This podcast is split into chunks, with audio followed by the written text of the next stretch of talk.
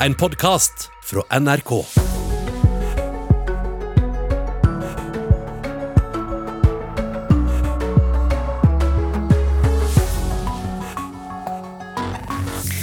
God torsdag. Vi har gode nyheter her i Nyhetsmorgen i dag. Det er nemlig mindre skjult koronasmitte i Norges befolkning enn eh, ventet. Det har forskere funnet ut ved å måle antistoffer i tusenvis av blodprøver. Miljøpartiet De Grønne starter sitt landsmøte i dag, og et av forslagene der er å sette et mål om å halvere kjøttforbruket i Norge. Men det er det flere som er skeptiske til. Nei, Jeg tenker det er helt vilt. Det forstår jeg ikke. Norge slo Gibraltar i VM-kvaliken, men bortsett fra de tre poengene, hva fikk vi egentlig ut av eh, Ståle Solbakkens første kamp som landslagssjef? Det er det spørsmålet vi stiller til VGs fotballkommentator i dag. Og så spør vi siden en av tre nordmenn vurderer å skifte yrke, når er det egentlig for sent å velge en annen retning? Så skal vi til en, eh, en redningsaksjon som pågår i sjøen utenfor Bodø. Vi får med oss Hovedredningssentralen om noen minutter. Og Nyhetsmorgen det får du i dag med Birger Kolsrud Jåsund og Anne Jetlund Hansen i studio. En stor koronaundersøkelse har avslørt at det er lite skjult smitte i det norske samfunnet. Ved hjelp av 28 000 blodprøver fra det norske folk, så har forskere målt andelen antistoffer mot covid-19. Norge skiller seg positivt ut sammenlignet med andre land i verden, og dette er gode nyheter, sier forsker Torkjell Sandanger. Man kan tolke at eh, smitten i Norge er en av de laveste i verden. Norge har lykkes med strategien om å, om å holde smitten så lav som overhodet mulig. Den strategien om, om, å isolere og smittespore har virkelig fungert. Da, fordi vi ser at i Norge, som en av få land, så, så har man nesten, altså detektert nesten alle som har vært smitta av korona sa forsker Torkjell Sandanger. Vi skal høre mer fra både han og flere andre litt etter klokka sju her i Nyhetsmorgen. I dag så samles Miljøpartiet De Grønne til landsmøte, digitalt selvfølgelig. og Der eh, kommer det til å komme et eh, forslag om å sette som mål å halvere kjøttforbruket i Norge. Uaktuelt og urealistisk, svarer Arbeiderpartiet. Også kjøttspisere NRK har snakket med er skeptisk. Hva er dette for noe? Nå har jeg kjøpt noe til jeg pleier å kjøpe ganske ofte her, som jeg er veldig glad i. Det er en eh, sånn stykke med servelat. Vi er utenfor kjøttforretningen Strøm Larsen i Oslo. Bak glassmontrene i butikken ligger kjøttstykkene klare. Påskehandelen er i gang. Terje Nordhagen spiser kjøtt fire-fem ganger i uken. Det beste han vet, er indrefilet og biff. Han er ikke klar for å spise halvparten så mye kjøtt. Nei, Jeg tenker det er helt vilt. Det forstår jeg ikke. Men det er det programkomiteen i MDG foreslår. At vi må ha som mål å halvere kjøttforbruket. Og Oslo MDG mener det bør skje innen 2025.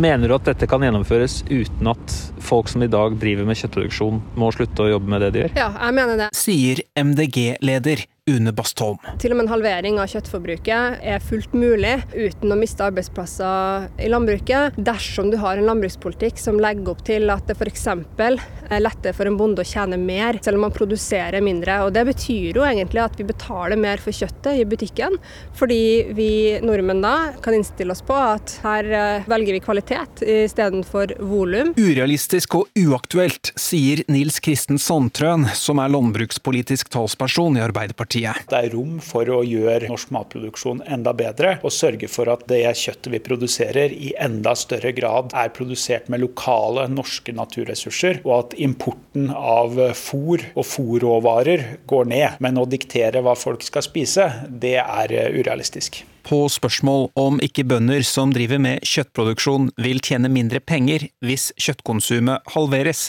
svarer Bastholm slik. Måten vi tar vare på både bonden og får redusert kjøttforbruket i Norge, er jo at man er villig til å betale mer for det kjøttet som man produserer. Dvs. Si at bønder får mer penger igjen per kilo eller per liter de produserer, eh, fordi vi nordmenn er villige til å bruke litt mer av eh, pengene eh, hver uke på, på maten. Så dette betyr en dyrere landbrukspolitikk? Det er ikke dyrere å satse på kvalitet, for per i dag så er vi jo veldig avhengig av import, f.eks. av kraftfôr og soya f.eks., som til sammen egentlig på sikt er dyrere enn å bare utnytte gresset eller det beiteområdet som er rett utenfor eh, gårds, eh, bakgårdsporten. sånn at, eh, men i et kortsiktig perspektiv og i et Excel-ark så kan det se dyrere ut å satse på kvalitet enn på volum.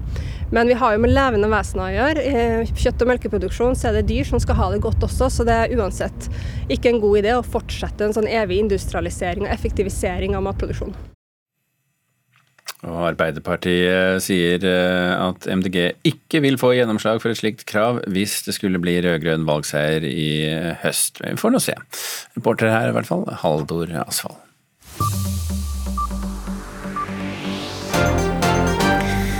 skal vi se på hva som skjedde i natt.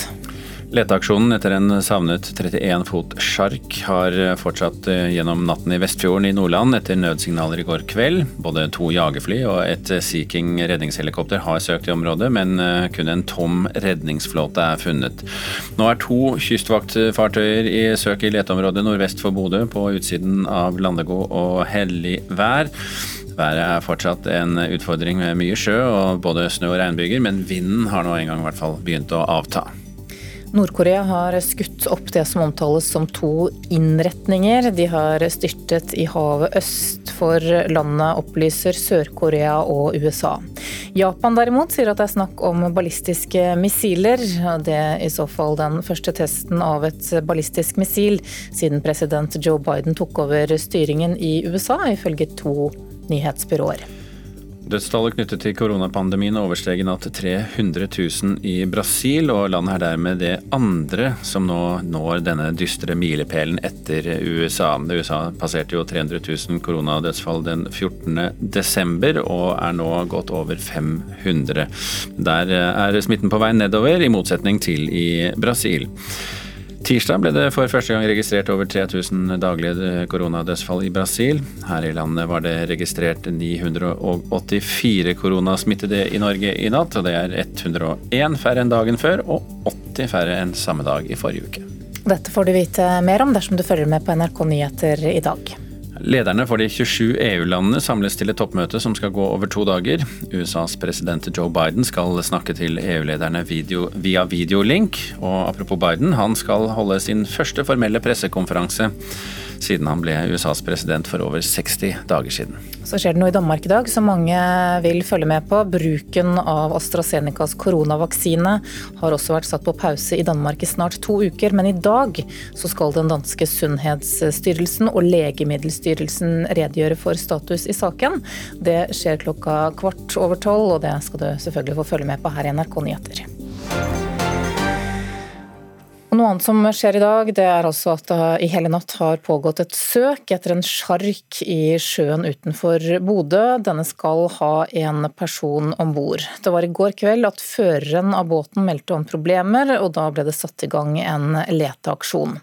Frode Iversen, redningsleder ved Hovedredningssentralen Nord-Norge. Hva er situasjonen i søkeområdet akkurat nå? Akkurat nå så kan vi si det at det er ikke gjort noen ytterligere funn i natt, så vi har ikke noe mer å melde på det feltet. Søkeområdet som ble satt i går er fremdeles gyldig, og eh, søket har beveget seg så langt at vi nå har eh, begynt å søke inne i området rundt Helligværøy gruppe utenfor Bodø. Det er tre kystvaktfartøy i søk, redningsskøyter på vei ut fra Bodø, og det er flere mindre fartøy som også er i søk inne i øygruppa. Uh, sea King har vært ute og søkt i hele natt. De har nå eh, hvile. Og uh, det er det nivået vi antakelig kommer til å ligge på fremover. Det, er litt variable, eller det har vært litt variable søkeforhold i natt. Men etter at det har blitt lyst og været har spekna litt nå, så er det relativt gode søkeforhold. Så er det altså funnet en, en redningsflåte. Kan den stamme fra denne sjarken? Vi kan ikke utelukke det. Det var F-16-fly fra Bodø som lokaliserte den flåta i natt. og eh, Den ble plukka opp av Sea King og konstatert at den var tom.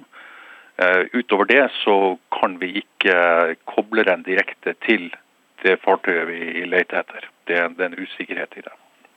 Hva vet dere nå om eh, båten som er savnet og denne personen som da skal være om bord?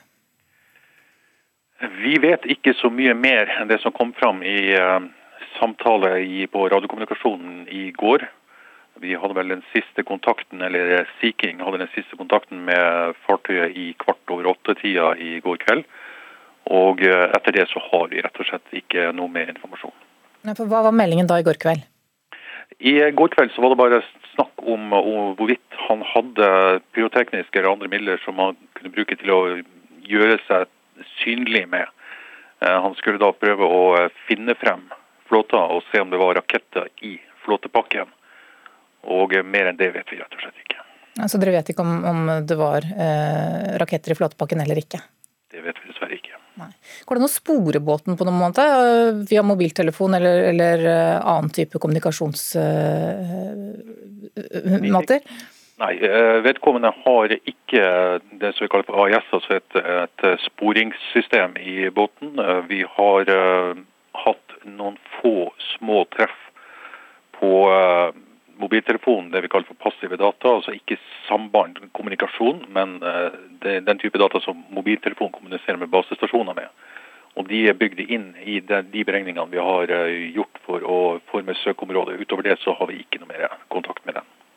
For de som ikke er så kjent i området, kan du gi et bilde på hvor stort dette søkeområdet nå er? Det opprinnelige søkeområdet, som nå er delvis gjennomsøkt, er et sted på rundt 1900 kvadratkilometer. Hvordan er det å lete i et, i et såpass stort område? Det er svært vanskelig. Eh, vi hadde veldig god hjelp av F-16 i går. De har sensorer som egner seg faktisk utmerket for det her. Vi har eh, hatt Sea oppe, som har søkt både visuelt med nattforsterkende briller, eh, lysforsterkende briller og med radar.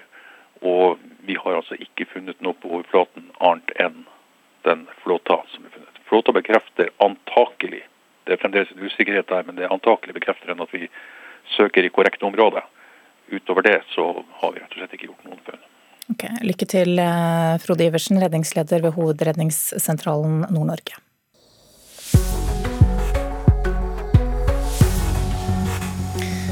6.42 er klokka. I tillegg til denne redningsaksjonen i Nordland, så har vi disse hovedsakene. Det er mindre skjult koronasmitte i Norges befolkning enn eh, man ventet. Det har forskere funnet ut ved å måle antistoffer i tusenvis av blodprøver, og det er jo gode nyheter eh, på denne torsdagen. Miljøpartiet De Grønne starter sitt landsmøte i dag, og et av forslagene der er å sette et mål om å halvere kjøttforbruket, men det er det flere som er skeptiske til. Politiet har satt opp sperringer og evakuert et eh, nabohus etter funn av sprengstoff i en bolig på Herre i Bamble kommune i Telemark. Følg med oss videre, så skal, du, skal vi bl.a. snakke om når er det egentlig for sent å bytte yrke, spør vi. Én av tre nordmenn vurderer nemlig å skifte yrkesretning.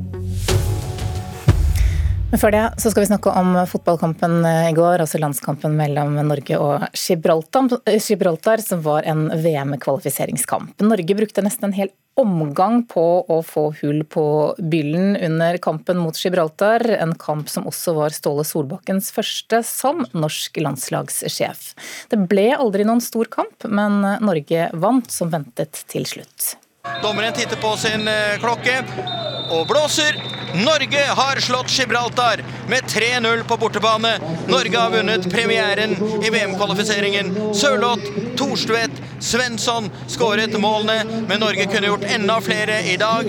Superstjernene Ødegaard og Braut Haaland kom ikke på skåringslisten. Det satt eh, litt langt inne, men til slutt vant Norge 3-0 mot eh, Gibraltar i det som var Ståle Solbakkens første kamp som norsk landslagssjef. Og landslagssjefen han var godt fornøyd med det han så av egne spillere. Jeg er veldig fornøyd med førsteomgangen. Da skaper vi veldig mange sjanser. og Den er jeg veldig veldig fornøyd med. Så igjen mye av det vi har trent på med tre ballen gjennom ledd og jeg syns at vi løste den formasjonen vi hadde valgt veldig bra i første omgang. Og så etter 3-0-målet så er det mye føring og mye seing på klokka. og Da, da bruker vi altfor mange touch, og alle skal ha det ekstra touchet på ballen. og Det gjør at da skaper vi ikke i nærheten av så mange sjanser sier landslagssjef Ståle Solbakken til TV 2. Allerede på lørdag er det klart for Norges neste kamp i VM-kvalifiseringen. Da venter Tyrkia. NRKs fotballekspert Karl Erik Torp er klar på at den kampen blir viktig. Det blir en helt annen test for oss. Da vil vi se et helt annet norsk lag som må jobbe mye mer for å, for å få sjansen. I dag kom de litt tilfeldig. Foran kampen mot Tyrkia så varsler landslagssjefen endringer. Eh, det blir en ny formasjon mot Tyrkia, eh, med kanskje noen andre spillere. Eh, så nå, nå er den her unnagjort, og dette er jo en kamp du, som skal overstås. Det sa Ståle Solbakken i går kveld. Reporter var Emil Johansen. Knut Espen Svegården, journalist og fotballkommentator i VG, god morgen. God dag. Hvis vi ser bortsett fra 3-0 og tre poeng, ja. hvor verdifull var egentlig denne kampen mot Gibraltar? Altså, han må jo ha startet et sted, og jeg håper å si heldigvis når du får så dårlig tid eh, i forkant. Han har egentlig bare én hel dag med alle spillerne. Da er det en fordel at du begynner i hvert fall mot et lag som du normalt sett skal slå. Det hadde vært verre å begynne en kvalifisering borte mot Tyrkia eller borte mot Nederland eh, med det utgangspunktet her. Han har ikke møtt spillerne før.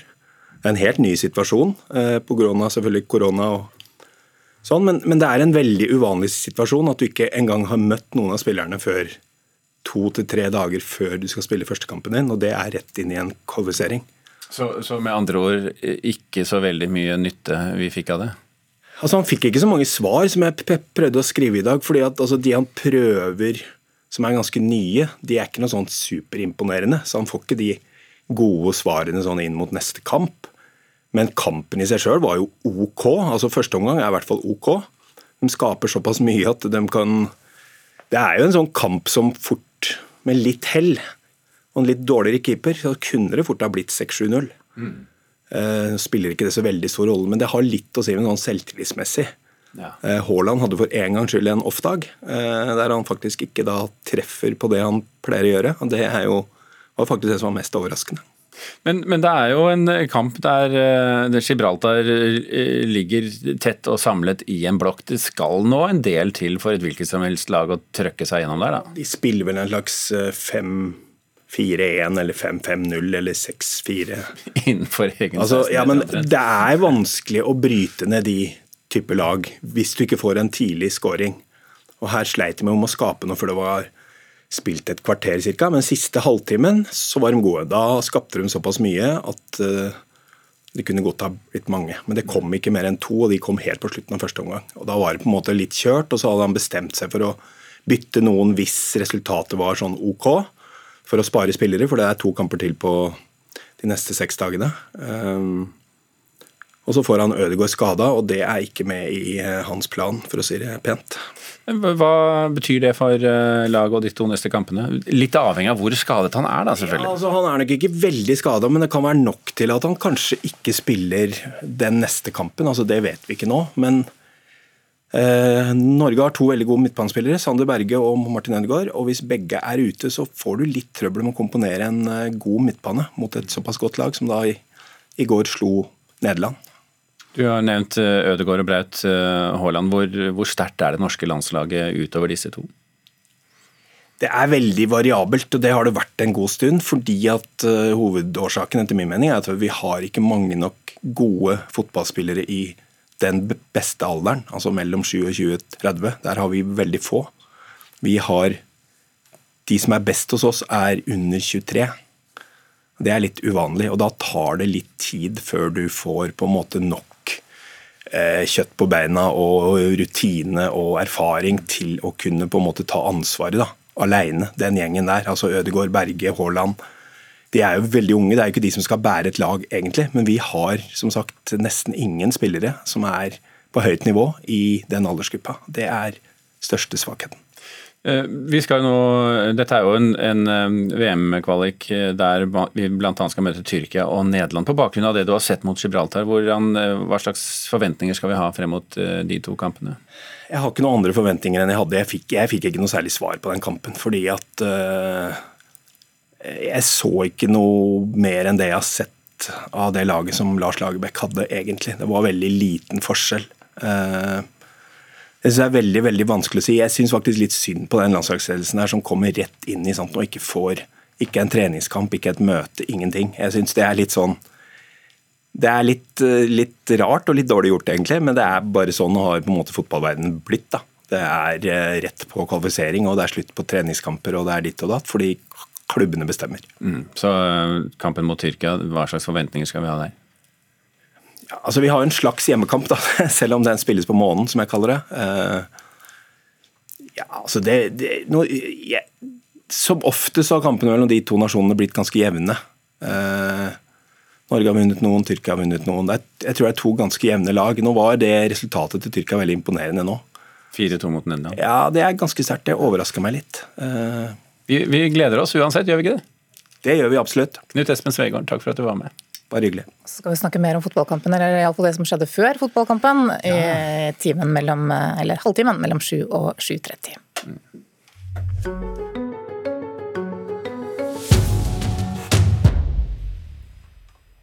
Amerikanske Rupi Kaur, norske Trygve Skaug og Victoria Dalsberget har det til felles at de skriver poesi og publiserer diktene sine på Instagram. Og etter publisering der, så har de gitt ut poesi i bokform. Slike lettleste, korte dikt ser ut til å slå godt an, for disse bøkene har flere ganger havnet på bestselgerlistene hos bokhandlerne. Vi men er dette god poesi? Ifølge litteraturkritiker fra Aftenposten så er svaret nei. Vi er luftboblene fra flyskroget på havbunnen plopper opp på hvit sjø. Forfatter Alexander Fallo leser et dikt fra den nye boken sin. Han er en av dem som startet karrieren ved å legge ut poesi på Instagram. Det begynte vel egentlig med liksom en post i 2012 eller 2013, og så til venner, kanskje 300 venner, og så begynte jeg å gjøre det mer. Det vokste vel sånn gradvis. Eh, ble mer og mer følgere, og jeg syns det ble mer og mer gøy, da. For han har Instagram-poesien også vært en døråpner. Instagram har gitt meg masse gitt meg veldig fin, sånn, et veldig fint utgangspunkt for en bok, eh, med tanke på lesere og sånne ting. Selv om publikum ser ut til å like det de leser, er ikke alle enig i at dette er kvalitetspoesi. Det å mene at Instagram er god poesi, altså Instagram-poesi er god poesi, det er jo ekvivalenten til å ha eh, i interiørverden da, sånne her store bokstaver der det står 'home' og 'love' og sånn. Litteraturkritiker i Aftenposten, Preben Jordal, har anmeldt flere bøker med poesi som stammer fra Instagram. Til nå er han ikke imponert over diktformen. Det er en form for brukspoesi, dette her, åpenbart som eh, svært mange da følger på Instagram og leser. Jeg er ikke sikker på om det har så veldig mye med eh, poesi å gjøre. Det er omtrent som at eh, folk tar det som før var, var notatboken sin, og, og publiserer den, har jeg følelsen av.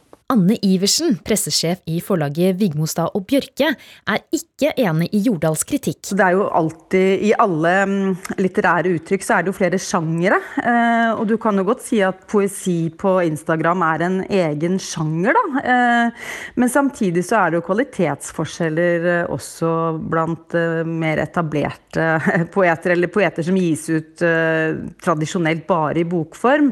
Så jeg, jeg tenker at det er veldig, veldig rar ting å, å si si. Jeg, jeg syns egentlig det vitner om eh, at man ikke har satt seg så veldig godt inn i hva Instagram-poesi er. De har selv nettopp gitt ut boken til Instagram-poeten Victoria Dalsberget, som nå ligger på bestselgerlisten.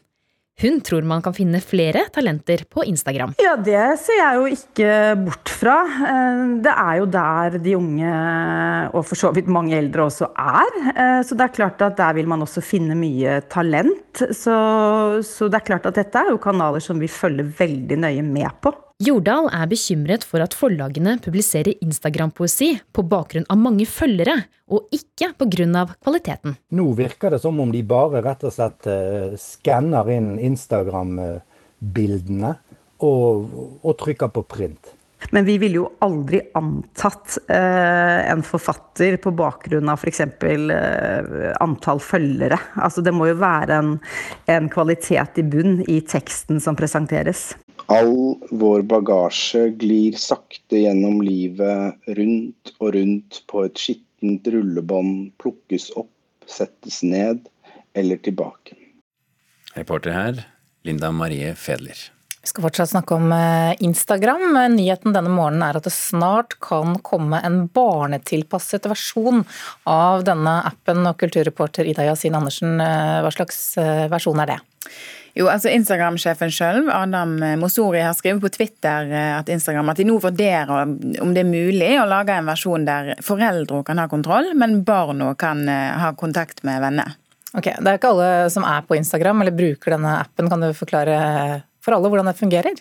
Ja, det er et sosialt nettverk der en deler bilder og videoer, og der en har en egen profil og kan følge andre og chatte med folk. Hva er da tanken med en sånn barnetilpasset versjon? Hva, hva, er, eh, hva er historien med det? Altså, mens den såkalte millenniumsgenerasjonen i stor grad brukte Facebook som sitt digitale sosiale eh, nettverk, så bruker ungdommer i dag i stor grad, Instagram. Og Nå er egentlig eh, aldersgrensa på å bruke Instagram 13 år, men så er det veldig mange yngre òg som bruker appen. For det er, det er ikke vanskelig å lage seg en profil om en vil, da. Um, og nå har Instagram uttalt at de fremover kommer til å jobbe med å gjøre det tryggere for tenåringer og lage en versjon som gjør at unge under 13 år òg kan bruke appen. Betyr det at det ikke er trygt nok for barn og ungdom i dag? Altså, Denne nyheten kommer to dager etter at Instagram selv gikk ut og sa at de var nødt til å gjøre mer for å beskytte de yngre følgerne. De har jo fått kritikk fordi at det er mye mobbing på Instagram. Og ifølge det amerikanske magasinet The Atlantic har en av fem 12-20-åringer opplevd mobbing på Instagram. Og når blir da spørsmålet, kan denne nye barnetilpassede versjonen være i bruk? De er ikke kommet så veldig langt i utvikling ennå, eh, så det er uvisst. Så en får bare vente i spenning. Ok, Kulturreporter Ida Yasin Andersen, takk for at du var med her. Valgene du gjør i ungdomsårene kan ha stor betydning for eh, fremtiden din. Men selv for voksne så er det ikke alltid så lett å bestemme seg for hva man skal bli når man blir voksen. Så nå viser en fersk undersøkelse at én av tre nordmenn vurderer å skifte yrke. Så da dukker spørsmålet opp. Er det noen gang for sent å bestemme seg? Hadde du spurt meg for 20 år siden, så hadde jeg nok ikke sagt at jeg skulle bli, bli det jeg har blitt, nei. 55-åringen Per Johan Grue hadde tenkt at han skulle jobbe med noe teknisk. Og etter et halvår på universitetet kom han litt tilfeldig inn på et praktisk program i NRK. Der ble han værende i 15 år. Jeg var jo med på starten av digitaliseringen av produksjonen i NRK. Så det var en veldig lærerik fase, eh, der det skjedde veldig mye. Ofte hadde han ansvar for prosjekt som strekte seg over lang tid. Men så, rundt 2007, hadde han fått nok. Eh, jeg hadde behov for en jobb der jeg kunne sånn, gjøre jobben en dag, avslutte den, gå hjem, ikke tenke på jobb, gå på jobb neste dag og starte på nytt igjen. og sånn. Én av tre nordmenn vurderer for tida å bytte bransje, kommer det fram i en fersk undersøking fra Finn. I Grue sitt tilfelle sa han fra seg fast IT-jobb i staten og ble tankbilsjåfør. Det kan jo være problemer på rekke og rad, eller det kan være en fin vårdag med sol, og da har du verdens beste jobb med verdens fineste utsikt fra kontorvinduet. Når går egentlig fristen ut for å bestemme seg for yrket sitt? Det var kanskje akkurat når jeg bikka 30, det burde følt at nå, nå bør jeg jo på en måte være mer voksen enn det jeg er. Marit Bakken hadde ikke fast jobb før hun ble 35. Da jeg var ferdig med studiene, så jobba jeg med veldig mye forskjellig. Jeg hadde flere småjobber. Så jeg hadde på en måte et sånn lappeteppe av forskjellige jobber. Jeg jobba litt med undervisning i korps, litt administrativt i ulike organisasjoner. Um, og det var veldig givende for meg, for da fikk jeg testa mye forskjellige ting. Um, nå er jeg heller ikke et veldig stressa menneske, så det var ikke sånn 'å nei, jeg må få meg fast jobb', hvis ikke så er jeg ikke en vellykket voksen. Så det var en veldig, veldig fin periode for meg. Nå er 39-åringen programdirektør i Norec, tidligere Fredskorpset. Og jeg tror kanskje at hvis noen hadde sagt til meg da jeg var 25 at når du nærmer deg 40, så jobber du i staten på et kontor i Førde, så hadde jeg nok ikke helt trodd på det. Jeg tror vår generasjon kommer til å skifte mer jobb enn foreldrene våre. Marie Havn hadde jobba seg oppover lokalavisa i nesten sju år, og hadde vært både frontsjef og redaktør. Men i januar i år begynte 33-åringen på nytt igjen i ny jobb som sjef for Lotteri- og stiftelsestilsynet sin kommunikasjonsavdeling. Det var skummelt å si opp den jobben som jeg likte godt for å prøve noe jeg ikke visste hva var. Men erfaringa mi er at jeg angrer mer på det jeg ikke gjør, enn det jeg gjør. For Per Johan Grue var det litt skummelt å være ferskingen på arbeidsplassen. Du har sjåfører som har, egentlig er født og oppvokst i bilen omtrent, og kan dette på rams og vet svaret på alt. Og så kommer du som, som en fersking og har kjørt kontorstol bare. Da, da er det litt skremmende. Og sjåfør er ikke nødvendigvis et statusyrke. Sikkert mange som har tenkt mye rart om det. Altså, det er jo på en måte å gå litt ned i hierarkiet, kan du si. Det er det jo. Men det er ikke noe som plager nevneverdig. Jeg angrer ikke på at jeg har gjort det. Så nå blir jeg sittende her og holde i et ratt til jeg blir pensjonist. Reporter det var Marta Linnea Pukallus. Nå er det Dagsnytt.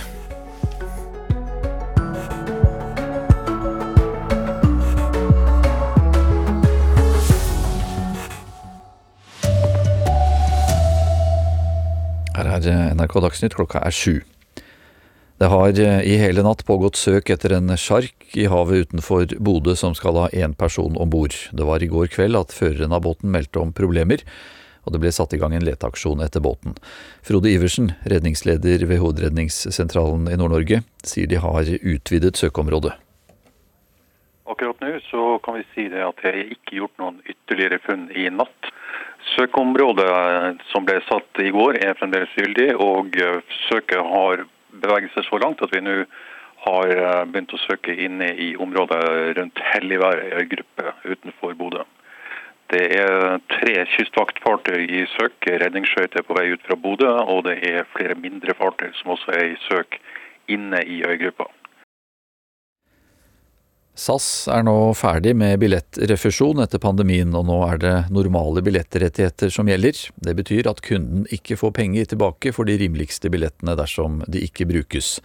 Avdelingsdirektør i Forbrukerrådet Pia Høst sier SAS har sitt på det tørre, men oppfordrer folk til å forsikre seg om hvilke billetter de velger, og hvilke følger valget kan få det å kjøpe dyrere billetter er jo en, en, større kostnad. Så det er jo nesten noe den enkelte da må vurdere om de, de tenker at det er verdt den på en måte forsikringen, da, ikke sant, som det er. Eh, vårt råd i denne perioden har jo egentlig vært å kanskje vente med å bestille billetter eh, til du ser hva slags situasjon eh, vi er i. En ny stor eh, koronaundersøkelse tyder på at det er eh, lite skjult smitte i Norge. Studien har sett på hvor mange som har eh, antistoffer i blodet. De nasjonale gjennomsnittlige resultatene viste at det gjelder 0,9% Folkehelseinstituttet fryktet at mørketallene var verre. Du kan lese mer om denne saken på nrk.no. Det siste døgnet så er det registrert 984 eh, nye tilfeller av koronasmitte her i landet. Det er 101 eh, færre enn dagen før, og 80 færre enn samme dag eh, forrige uke. Og I Oslo så er det registrert 283 nye koronatilfeller siste døgn. Det er også en nedgang sammenlignet med i går og samme dag forrige uke. Og drøyt 520 000 har nå fått den første dosen av koronavaksine her i landet. Nord-Korea har eh, skutt opp det som eh, omtales som to innretninger som eh, styrtet i havet øst for landet. Det opplyser Sør-Korea og USA. Japan derimot sier at det er snakk om ballistiske missiler, en slags raketter. Og det er i så fall den første testen av slike raketter siden president Joe Biden tok over styringen i USA, ifølge flere nyhetsbyråer. NRK Dagsnytt, Anders Borgen Werring.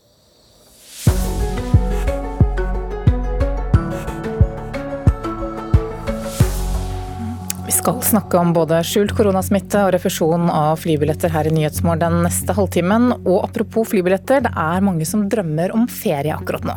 Tidligere i denne uken så hørte vi at 40 000 nordmenn sier de planlegger utenlandsferie i påsken, selv om regelverket er strammet inn. Ja, da lurer vi selvfølgelig på hvorfor folk drar og hvor de skal, når vi får hjelp av lederen for Virke Reiselig til å svare på noen av de spørsmålene vi har. Så får vi markering til det norske fotballandslaget før kampen mot Gibraltar. Eh, vi får, altså, den får stor oppmerksomhet i flere land, men vi spør hvilken effekt har det egentlig? For de som ikke helt vet hva vi snakker om da, så var det altså fotballandslaget som hadde på seg hvite T-skjorter med skrift på.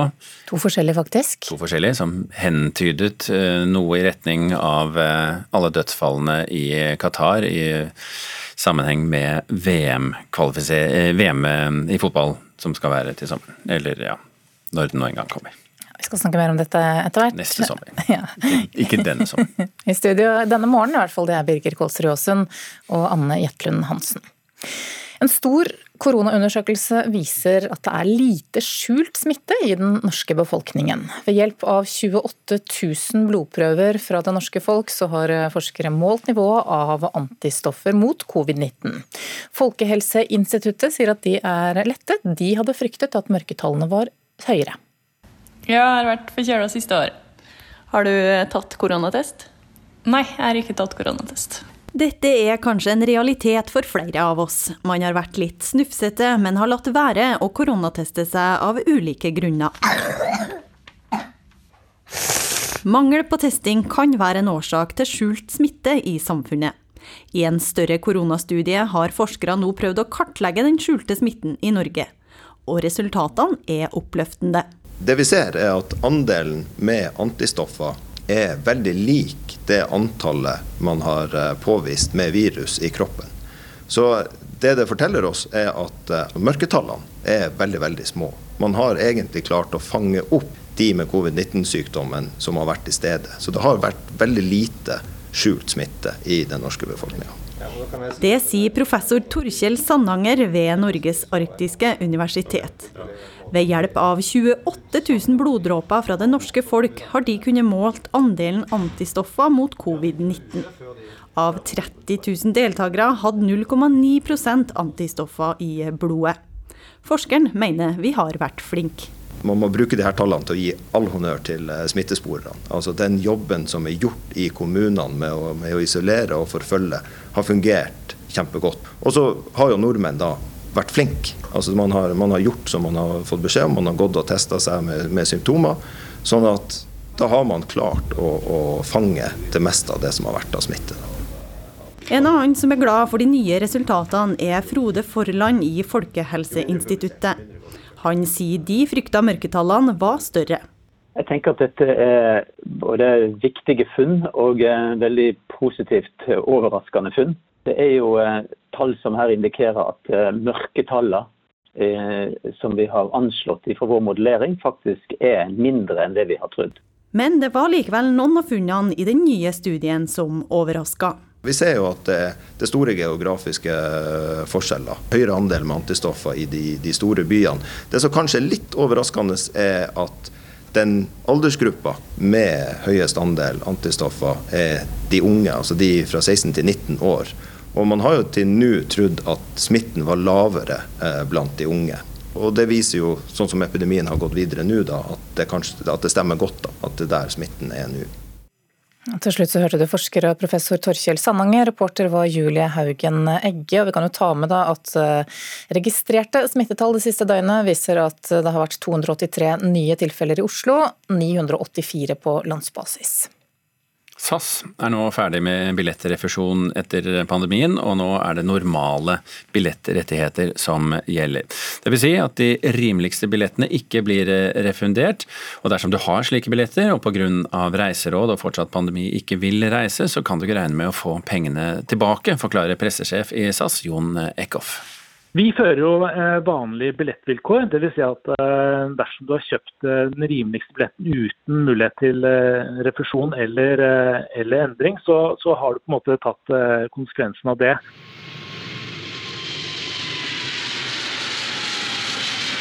Påsken står for døren og mange har planlagt påskeferie. Men mange må også revurdere planene ettersom regjeringen strammet kraftig inn på smittevernreglene tirsdag kveld. Nå skal vi ikke dra på unødvendige fritidsreiser, selv her i Norge. Vi skal ikke bo på hotell. Vi skal ikke dra på overnattingsbesøk, selv til folk vi kjenner. Ryker påskeferien, og du har kjøpt billigste flybillett med SAS, ja da ryker billetten også. Studenter er en av passasjergruppene som ofte kjøper de rimeligste billettene. Andreas Trohjell leder i Norsk studentorganisasjon, og han er overgitt over at SAS ikke refunderer også de rimeligste billettene. Jeg må jo si at uh, jeg syns i utgangspunktet at dette er uholdbart av, av, SAS. Studenter er en svært økonomisk utsatt gruppe. Og Så lenge anbefalingene og reglene endrer seg så fort som de nå faktisk gjør, så mener vi også at SAS burde ha den fleksibiliteten som man har hatt gjennom, uh, gjennom pandemien. SAS på sin side har innført mer fleksibilitet for passasjerene, og oppfordrer oss nå heller til å booke om enn å be om refusjon, forklarer Jon Eckhoff det er jo fortsatt eh, stor usikkerhet i, i, reisemarkedet. Og vi vet at det er mange som ønsker å reise også fremover i tid. og Derfor så vil jo min oppfordring være å kjøpe fleksible billetter eh, også fremover. Så, så, kan man eh, benytte eventuelle billetter senere. Men det er ikke mange som kan ha påskeferie på alternative tider. Og en billett som kan endres, er det samme som en mye dyrere billett. For de rimeligste billettene kan ikke bookes om. SAS har sitt på det tørre, og Forbrukerrådet ber om at vi er oppmerksomme på konsekvensene av billettvalget, forteller avdelingsdirektør Pia Høst. Det å kjøpe dyrere billetter er jo en, en, større kostnad. så Det er jo nesten noe den enkelte da må vurdere om de, de tenker at det er verdt den, på en måte forsikringen, da, ikke sant, som det er. Vårt råd i denne perioden har jo egentlig vært å kanskje vente med å bestille billetter til du ser hva slags situasjon vi er i. Og nå er vi i en situasjon der strengere smittevernregler er innført over hele landet. Andreas Trohjell i Norsk studentorganisasjon har likevel et råd til SAS. Så jeg håper at SAS eh, viderefører den, eh, den ordningen de har hatt eh, foreløpig. og Vi er fortsatt inne i en pandemi, det vet selvsagt SAS også godt. Men det, det gjør at ting endrer seg veldig veldig raskt. Anbefalinger og regler endrer seg veldig veldig raskt. Jeg ønsker at studenter som en økonomisk utsatt gruppe skal ha stor fleksibilitet. Reporter her, det var Tor Albert Frøsland. Og så kan jeg bare ta med at hvis du vil eh, studere dette fenomenet litt nærmere, så kan du gå inn på nrk.no. Der ligger det en sak som vi har laget eh, også. Får du mer. Så er det mange som drømmer om å kjøpe flybilletter nå, for selv om smitteverntiltakene er strenge mange steder, og vi blir bedt om å holde oss mest mulig hjemme, så har over 20 000 nordmenn hatt planer om å reise utenlands i påsken. Det viser anslag fra Avinor. Astrid Bergmål, leder i Virke reiseliv, god morgen. God morgen. Hvorfor velger folk å dra utenlands i påsken? Nei, Vanligvis er det jo ofte for å få sol, sommer, eh, dra til, dra til det som man kaller Syden. Eh, dra på en chartertur ofte. Mens i år er det nok helt andre grunner. Eh, vi ser jo at charterselskapene f.eks. har jo avlyst alt. Kansellert alle reiser. Så dette er nok folk som både har nødvendige reiser, eller har en annen god grunn, da, får vi håpe, til, til å reise ut av landet. Men hvor drar de igjen da? Nei, De drar nok ofte kanskje hjem til familie som, som de har et annet sted. Eller så er det jo kanskje ja, det er nok det som er det, det aller vanligste. Så kom det meldinger i går om at Sverige opphever innreiseforbudet fra Norge i påsken. Det gjelder fra 1.4. Hvilke konsekvenser får det for reisevirksomheten vår i, i denne påskeuken, tror du? Nei, det er nok mange som eh, gleder seg til å kunne reise over grensa igjen. Men samtidig er det jo sånn nå at myndighetene har såpass strenge krav til karantenehotell når vi kommer hjem, at eh, jeg vil nok tro at de aller fleste òg eh, venter med den Sverigeturen. Ja, denne, denne, karanteneplikten da, eller hotellkarantenen, mm. tror du det gjør at mange rett og slett dropper utenlandsreisen? Ja, det tror jeg. For det er klart det å skulle sitte hele karantenetida på et karantenehotell, det er nok vanskelig for mange når man kommer hjem. Du har jo kontakt med mange kollegaer av deg i, en rekke europeiske land. Hvordan er reisevirksomheten ellers i Europa nå?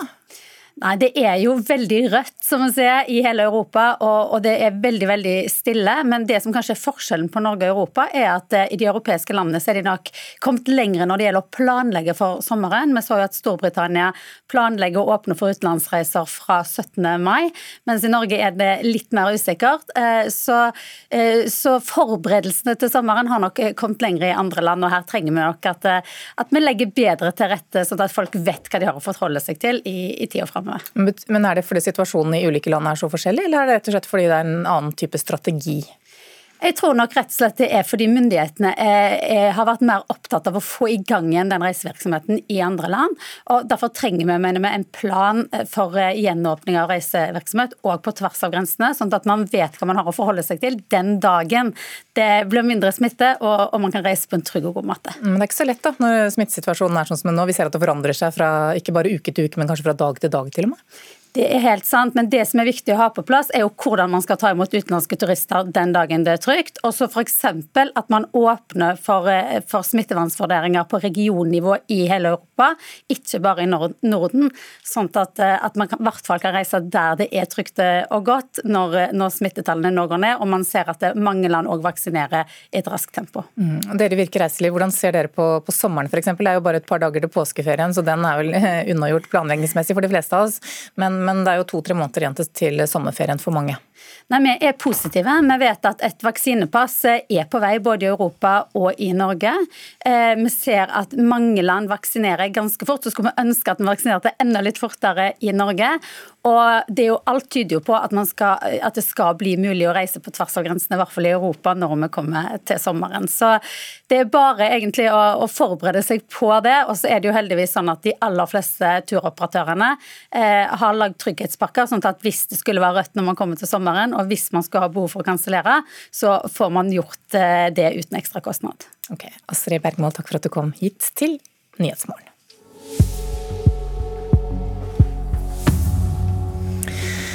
Nå er klokka straks kvart over sju.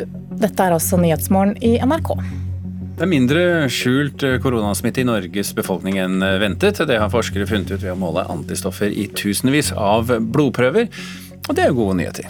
Miljøpartiet De Grønne starter sitt landsmøte i dag. Et av forslagene der det er å sette et mål om å halvere kjøttforbruket i Norge, men det er det da ikke alle som er like begeistret for.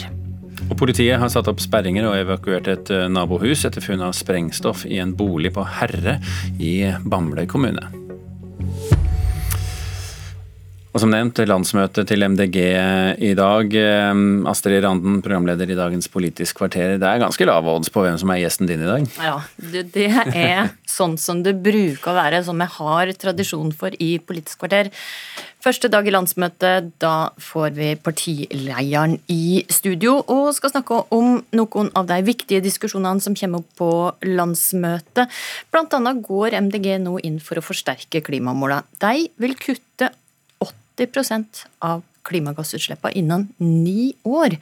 Er det realistisk, og hvordan kan de få det til, spør meg. Mm, og så har jo vi snakket her i Nyhetsmorgen i dag om eh, at vi også vil halvere kjøttforbruket. Det er ikke umulig at det også blir tema, kanskje? Nei, for eh, MDG vil jo inn på frokostbordet ditt da og fjerne salamiskiva og leverposteiboksen. Dette blir for moraliserende, mener noen i partiet, men andre, f.eks. MDG i Oslo, de mener at vi kan halvere kjøttforbruket her i landet innen fire år, altså innen 2025. Så skal vi forsøke å finne ut hva MDG-lederen vi mener vil skje med de mange arbeidsplassene i landbruket som kan gå tapt om vi spiser mindre biff og grillpølser. Det er ganske nøyaktig 28 minutter til Asier Randen setter seg i stolen i Politisk kvarter. Så til sport, og nærmere bestemt gårsdagens fotballkamp, landskamp i fotball mellom Norge og Gibraltar. Eller rettere sagt det som skjedde før kampen. Samtlige spillere og alle i støtteapparatet hadde hvit T-skjorte med sort skrift der det sto 'Respect on and off the pitch'. Det er en klar og tydelig markering mot det svært kontroversielle verdensmesterskapet i Qatar neste år. Det var NRKs kommentator Olav Tråen som fortalte om hva som skjedde før kampen. Ja, det var altså to typer T-skjorter. Det ene var respect, og det andre der står det human rights on and off the pitch. I studio nå Tuva Ørbekk Sørheim, styreleder i VIF fotball elite og Vålerenga fotball AS. God morgen. Hei. Hva syns du om denne protestformen? Altså, Vi kan jo ikke slå fast at det er langt mer enn null. ikke sant? De kunne jo ha gjort ingenting. Og hadde det ikke vært for at supporterne i Vålerenga, Tromsø og mange andre norske toppklubber hadde stått for at man skal aksjonere mot Qatar, så tror jeg kanskje ikke det hadde skjedd noe som helst. Men jeg tenker at dette her setter jo søkelyset dit vi ønsker, på menneskerettighetsbruddene i Qatar, og det er jo positivt. Og For de som da ikke helt kjenner denne saken, så, så kan vi jo si da at det var jo et spørsmål om Norge skulle boikotte VM, eh, eller protestere på andre måter, og dette ble da altså protesten i denne omgang. Eh, vi i NRK vi har sendt flere spørsmål til Fifa om denne markeringen, og i en e-post i går kveld så svarte de ganske kort. Fifa tror på ytringsfrihet og at kraften i fotball kan føre til positive endringer. Denne prosessen den var jo ikke avklart med Fifa på forhånd. Så skal vi strekke oss litt og si at det var tøft gjort å gjøre det likevel? Ja, som sagt, Det er jo mye tøffere å gjøre det enn å gjøre ingenting. Eh, og så kan man jo også se at eh, det er sikkert begrenset hva et landslag kan gjøre. Jeg tror kanskje man kan dra det litt lenger. Ståle Solbakken hadde sagt på forhånd at han skulle gå over kanten av desperasjon for å sette søkelys på denne saken. Og vi som har sett eh, Ståle Solbakken i full temperamentsutfoldelse, tror nok at hans kant for desperasjon er et lite stykke unna. Men dette var nå i et land som er mindre enn Sandefjord, og på lørdag så skal de jo spille mot et mye større land, Tyrkia. Kanskje de tar det videre, kanskje dette var en fin start. Det får vi se på. Men Tror du det? At de fortsetter? Ja. ja, det tror jeg. Det må vi håpe på. På samme måte? Og jeg håper jo at de kanskje finner på noe nytt. Ståle, Ståle Solbakken har lovet oss at han skal være veldig kreativ i måten han skal protestere mot arbeidsforholdene i Qatar. Mm. Men du representerer jo et lag som ønsker å gå inn for boikott. Hvorfor det? Hvorfor vi ønsker å boikotte? Det er fordi vi opplever at myndighetene i Qatar bruker fotballen til liksom å vaske seg fri og fremstå som et bedre regime enn det egentlig er. Eh, mens det som har ledet frem mot eh, protesten og boikotten, er jo de forholdene arbeidsinnvandrerne i Qatar lever under. Eh, nå har det skjedd riktignok noen justeringer av lovverket der, men fortsatt er det helt ulovlig for arbeiderne å organisere seg, f.eks. Så de har ingen makt bak kravene. De er så å si i arbeidsgivernes hender. De har ikke hatt mulighet til å reise ut av landet. De har ikke kunnet skifte jobb når de ønsker. Det de har vært nesten nærmest som et moderne slaveri. Og dette her er forhold som vi ikke kan akseptere at uh, dette regimet bruker fotballen for liksom å vise vi er uh, et Fifa-vennlig land. vi er, ja. Mm. Men uh, her skal du få et lite dilemma. Norge kvalifiserte seg til VM. To Vålerenga-spillere blir tatt ut i troppen. Hva gjør du da? Altså Det ligger jo i så fall så langt frem i tid at det er helt hypotetisk, men det, det, det, spiller jo ingen rolle. Vi har jo tatt et standpunkt som handler om arbeidsforholdene for eh, arbeidsinnvandrerne i Qatar. Så om to Vålerenga-spillere skulle kvalifisere seg, så hadde jo det vært fantastisk. Nå hadde vi jo faktisk en med i troppen nå, han kunne ikke dra pga. karantene. Men, men, det har ikke noe med saken å gjøre. Men nå skal jo dette avgjøres på Det har vel noe med saken å gjøre, hvis, eh, hvis eh, dere sier at dere skal boikotte, men, men gladelig sender fotballspillere til VM? Nei, nei, men det gjør vi jo ikke. Det, vi, vi, tar jo et standpunkt for boikott, og det skal jo avgjøres på et ekstraordinært uh, fotballting 20.6. Så uh, da får vi jo svar på det. Mm. Tror du det blir boikott? Om jeg tror det blir boikott? Mm. Det var i hvert fall stemningen ganske lenge. Så får vi se hvordan det utvikler seg etter Ståle Solbakkens stadige nye aksjoner. Vi får se, men mm. Tuva Øbekk Sørheim, styreleder i Vi Fotballelite. Takk for at du var med oss i Nyhetsmorgen. Takk. Nå skal vi videre til eh, Israel, for der har det oppstått en eh, ganske interessant situasjon etter det siste døgnet med opptelling av stemmene etter valget. Statsminister Benjamin Netanyahus fremtid er svært usikker, men den som kan hjelpe ham til å overleve politisk og å stable en ny koalisjonsregjering på bena, det er en arabisk politiker som leder et islamistparti. Og korrespondent Cecil Wold, dette må du forklare for oss. Mansour Abbas kan altså bli historisk. Hvem er han, og hva vil partiet hans? Ja, Det islamistiske partiet, eller The United Arab List som den heter, er et konservativt eh, islamistisk parti som er opptatt av sosial hjelp. Eh, de er ikke-sionister, de er for en palestinsk stat. Eh, han er veldig opptatt av å, eh, å, å, løse problemer som kriminalitet og mangel på jobber og mangel på boliger i sine områder. Eh, han er fra en liten landsby i Galilea, han er tannlege. Eh, og bare for å få dette riktig, så er også Israel israelske statsborgere. 75% av dem er jøder, og 21% av dem er arabere. De er palestinske arabere, men i Israel så kaller man dem arabere for å ikke da forveksle dem med palestinerne som bor på Vestbredden og i Gaza. Men han har også brutt ut av eh, en samlet liste eh, hvor araberne i alle år har stått som en front mot eh, de populistiske og nasjonalistiske sionistiske høyrepartiene, som ofte har en veldig anti-arabisk retorikk retorikk. Eh, men nå har han eh, funnet ut at han kan samarbeide med Netanyahu hvis Netanyahu gir ham noe. Og Netanyahu har også snudd 180 grader fra å snakke om de arabiske velgerne som en trussel. Eh, de er ikke til å stole på. Denne valgkampen her så drev han plutselig valgkamp i de beduinsamfunn og i arabiske samfunn. Så fra å være en trussel, så er de nå blitt Netanyahus venner og kanskje redningsmenn. Ja, men Abbas kan jo også velge å støtte Netanyahus utfordrer? Absolutt, han kan velge å støtte Yair Lapid. Eh, problemet hans da er at Lapid også må ha støtte fra Avigdor Liebermann, eh, som vi kanskje husker fra før. Han var utenriksminister. Han innvandret fra Moldova, fra Sovjetunionen, og han eh, mener at arabere ikke har noen plass i Israel. Han har tidligere sagt at arabere som ikke er lojale overfor den jødiske staten, burde halshugges. Så jeg vet ikke om det vil være veldig eh, et godt valg. altså jeg vet ikke om det er mulig mulig engang for eh, et parti som Libermanns parti å samarbeide med et arabisk parti. Men også i 2021 så står eh, Israel, som ser seg selv som et demokrati, overfor det valget. Skal man for første gang noensinne ta et arabisk parti som representerer en stor del av befolkningen, inn i en regjering? Og hva skjer nå de neste dagene? Ja, nå er ikke alle stemmene talt opp ennå. Eh, så akkurat eh, nå på morgenkvisten så fikk Venstrepartiet Meretz en plass til i Knesset. og Det betyr at Netanyahu svekkes ytterligere. Så Netanyahus statsministerjobb henger i en veldig tynn tråd. For det er veldig mange av de partiene Netanyahu eller Lapid må støtte seg på, som ikke vil jobbe med arabere. Så der er det ett problem.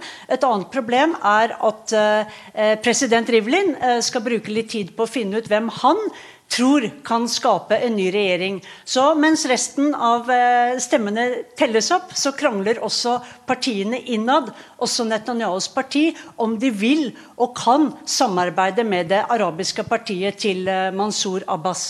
Takk skal du ha, korrespondent Sissel Wold. I Bø i Telemark eh, frykter de for at rånere fra Viken og Vestfold skal ta med seg de muterte koronavirusene til bygden. Skjærtorsdag i påsken, er jo, da er det jo vanlig med rånetreff i Strømstad i Sverige, men sånn blir det jo selvfølgelig ikke i år. Og blant rånerne så er det mange som ønsker å dra til Bø og Notodden istedenfor Strømstad. NRK-serien Rådebank har gjort Bø kjent i rånarmiljøet. Hit kommer folk fra hele Østlandet for å oppleve bygda der serien ble spilt inn.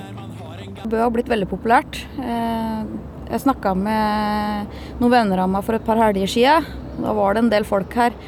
Og de sa jeg kjenner ingen, jeg.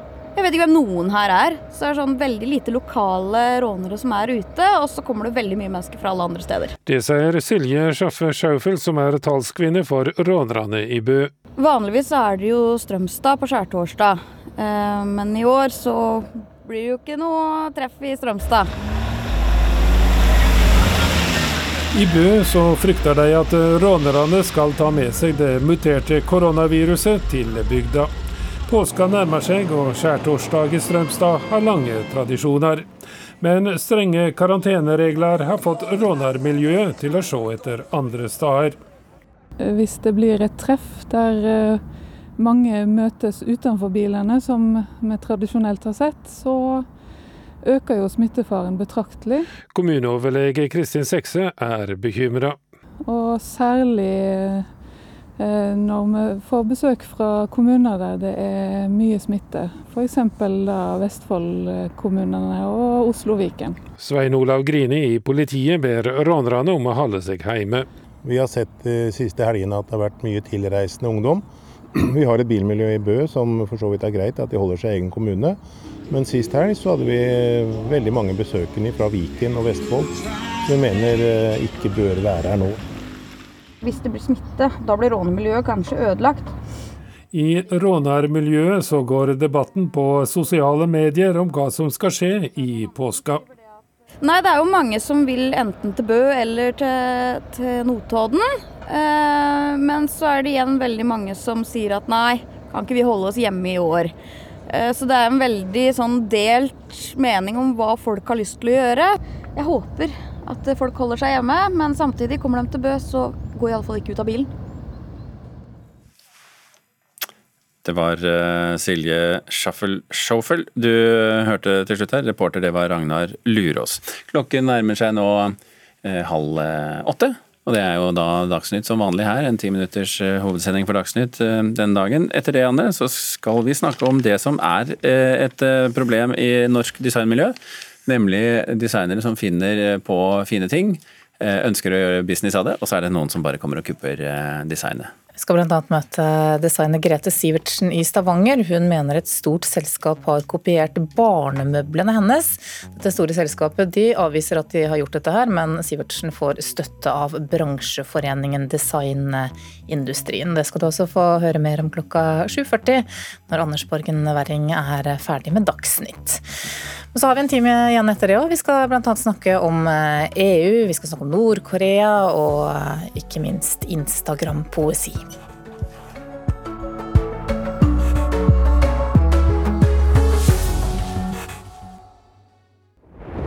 Drivkraft med Vegard Larsen. Én gjest, ett møte, én time. Jeg gikk gjennom en glassrute og skar meg opp og fikk 170 sting i ryggen. Det var ikke, ikke bra. Da holdt jeg jo på det. I Drivkraft inviterer jeg folk til en samtale om det de brenner for, og hva som driver dem. Hvis du da kan gjøre noe med det, hvis du ikke gjør det, så er du en drittsekk. Også. Jeg er ikke noe glad i å få kjeft. Hør NRK P2.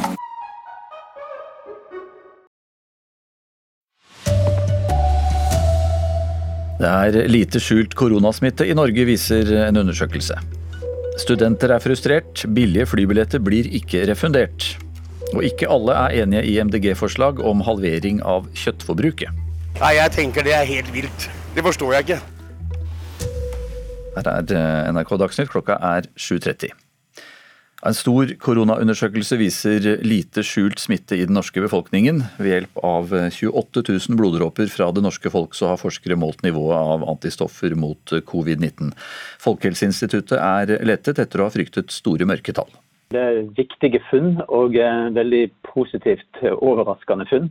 Det er jo eh, tall som her indikerer at eh, mørketallene som vi har anslått fra vår modellering, faktisk er mindre enn det vi har trodd. Det sier fagdirektør i FHI, Frode Forland.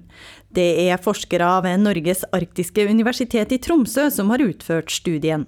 Til sammen har de studert 28 000 bloddråper fra det norske folk for å finne skjult koronasmitte. Det vi ser er at andelen med antistoffer er veldig lik det antallet man har eh, påvist med virus i kroppen. Det det forteller oss er at eh, mørketallene er veldig, veldig små. Man har egentlig klart å fange opp de med covid-19-sykdommen som har vært i stedet. Så det har vært veldig lite skjult smitte i den norske befolkninga. Det forklarer professor Torkjell Sandanger. Han mener vi har vært flinke både til å spore smitte, samt at Norges bekjempelsesstrategi har virka. Likevel dukka det opp noen overraskelser i studien. Vi ser jo at det, er store geografiske forskjeller. Høyere andel med antistoffer i de, de store byene. Det som kanskje er litt overraskende, er at den aldersgruppa med høyest andel antistoffer er de unge, altså de fra 16 til 19 år. Og Det viser jo, sånn som epidemien har gått videre nå, da, at, det kanskje, at det stemmer godt da, at det er der smitten er nå. Reporter Julie Haugen Egge, og det blir mer om denne saken i Ekko i P2 klokka ni. SAS er nå ferdig med billettrefusjon etter pandemien, og nå er det normale billettrettigheter som gjelder. Det betyr at de rimeligste billettene ikke blir refundert, forklarer pressesjef i SAS Jon Eckhoff. Vi fører jo eh, vanlige billettvilkår. Dvs. Si at eh, dersom du har kjøpt eh, den rimeligste billetten uten mulighet til refusjon eller, eller endring, så, så, har du på en måte tatt konsekvensen av det. Påsken står for døren og mange har planlagt påskeferie. Men mange må også revurdere planene ettersom regjeringen strammet kraftig inn på smittevernreglene tirsdag kveld. Ryker påskeferien og du har kjøpt billigste flybillett med SAS, ja da ryker billetten også. Studenter er en av passasjergruppene som ofte kjøper de rimeligste billettene. Andreas Trohjell leder i Norsk studentorganisasjon, og han er overgitt over at SAS ikke refunderer også de rimeligste billettene. Jeg må jo si at uh, jeg syns i utgangspunktet at dette er uholdbart av, av, SAS. Studenter er en svært økonomisk utsatt gruppe. Og Så lenge anbefalingene og reglene endrer seg så fort som de nå faktisk gjør, så mener vi også at SAS burde ha den fleksibiliteten som man har hatt gjennom, uh, gjennom pandemien. SAS har sitt på det tørre, og Forbrukerrådet ber om at vi er oppmerksomme på konsekvensene av billettvalget, forteller avdelingsdirektør Pia Høst det å kjøpe dyrere billetter er jo en, en, større kostnad. Så det er jo nesten noe den enkelte da må vurdere om de, de tenker at det er verdt den på en måte forsikringen, da, ikke sant, som det er. Eh, vårt råd i denne perioden har jo egentlig vært å kanskje vente med å bestille billetter eh, til du ser hva slags situasjon eh, vi er i. Reporter her, det var eh, Tor Albert Frøsland. Det har i hele natt pågått et stort søk etter en sjark i havet utenfor Bodø. Sjarken skal ha hatt én person om bord, og det er funnet en tom redningsflåte. Føreren meldte selv om problemer i uværet, forteller Frode Iversen i Hovedredningssentralen. Sea King hadde den siste kontakten med fartøyet i kvart over åtte-tida i går kveld. Opprinnelig søkeområde, som nå er delvis gjennomsøkt, er rundt 1900 kvadratkilometer. Hvordan er det å lete i et, i et såpass stort område? Det er svært vanskelig. Så norsk politikk, for i dag samles eh, Miljøpartiet De Grønne til eh, landsmøte. Der eh, foreslås det å sette som mål å halvere kjøttforbruket i Norge. Uaktuelt og urealistisk, svarer Arbeiderpartiet. Og kjøttspisere NRK har snakket med, er skeptiske. Hva er dette for noe? Nå har jeg kjøpt noe som jeg pleier å kjøpe ganske ofte her, som jeg er veldig glad i. Det er en sånn stykke med servelat. Vi er utenfor kjøttforretningen Strøm Larsen i Oslo. Bak glassmontrene i butikken ligger kjøttstykkene klare. Påskehandelen er i gang. Terje Nordhagen spiser kjøtt fire-fem ganger i uken. Det beste han vet, er indrefilet og biff. Han er ikke klar for å spise halvparten så mye kjøtt. Nei, Jeg tenker det er helt vilt. Det forstår jeg ikke. Men det er det programkomiteen i MDG foreslår. At vi må ha som mål å halvere kjøttforbruket. Og Oslo MDG mener det bør skje innen 2025. Mener du at dette kan gjennomføres uten at folk som i dag driver med kjøttproduksjon, må slutte å jobbe med det de gjør? Ja, jeg mener det. Sier MDG-leder Une Bastholm. Til og med en halvering av kjøttforbruket er fullt mulig uten å miste arbeidsplasser i landbruket, dersom du har en landbrukspolitikk som legger opp til at det f.eks. er lettere for en bonde å tjene mer, selv om man produserer mindre. Og Det betyr jo egentlig at vi betaler mer for kjøttet i butikken, fordi vi nordmenn da kan innstille oss på at her eh, velger vi kvalitet istedenfor volum. Urealistisk og uaktuelt, sier Nils Kristen Sandtrøen, som er landbrukspolitisk talsperson i Arbeiderpartiet. Det er rom for å gjøre norsk matproduksjon enda bedre, og sørge for at det kjøttet vi produserer i enda større grad er produsert med lokale norske naturressurser, og at importen av fôr og fôrråvarer går ned. Men å diktere hva folk skal spise, det er urealistisk. Ja, MDGs partileder Rune Bastholm er gjest i Politisk kvarter i Nyhetsmorgen på P2 og NRK1 i dag, og det er om få minutter. Reporter Haldor Asvald. Markeringen til det norske landslaget om menneskerettighetsbruddene til VM-verten Qatar går verden rundt. Blant andre britiske, svenske og danske medier skriver om spillernes hvite T-skjorter med teksten 'Menneskerettigheter av og på banen'. Flere tusen arbeidsinnvandrere har dødd siden Qatar fikk tildelt VM. T-skjorter er mer enn ingenting, sier Tuva Ørbekk Sørheim, som er styreleder i VIF fotball elite og Vålerenga fotball AS.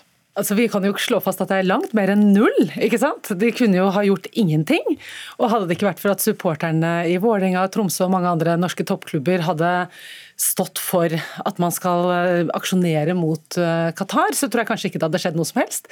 Men jeg tenker at dette her setter jo søkelyset dit vi ønsker, på menneskerettighetsbruddene i Qatar, og det er jo positivt. Ja, Fifa svarer til NRK at organisasjonen tror på ytringsfrihet og at kraften i fotball kan føre til positive endringer. VM-kvalifiseringskampen Norge spilte mot Gibraltar i går, endte for øvrig med norsk seier 3-0. Så skal det diktes til slutt i dag. Lettleste korte dikt slår nemlig godt an på Instagram. Blant de mest populære er amerikanske Rupi Kaur og norske Trygve Skau. De skriver poesi på Instagram før bøker gis ut. Men er det lurt? Vi er luftboblene fra flyskroget på havbunnen, plopper opp på hvit sjø. Forfatter Alexander Fallo leser et dikt fra den nye boken sin. Han er en av dem som startet karrieren ved å legge ut poesi på Instagram. Det begynte vel egentlig med liksom en post i 2012 eller 2013, og så til venner, kanskje 300 venner, og så begynte jeg å gjøre det mer. Det vokste vel sånn gradvis.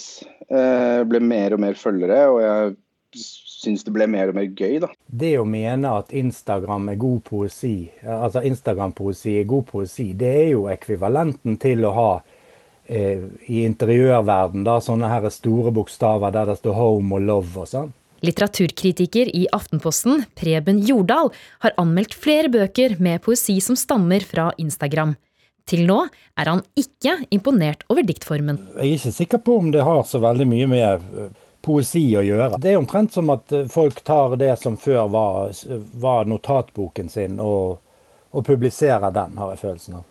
Anne Iversen, pressesjef i forlaget Vigmostad og Bjørke, er ikke enig i Jordals kritikk. Og du kan jo godt si at poesi på Instagram er en egen sjanger, da. Eh, men samtidig så er det jo kvalitetsforskjeller eh, også blant eh, mer etablerte poeter, eller poeter som gis ut tradisjonelt bare i bokform.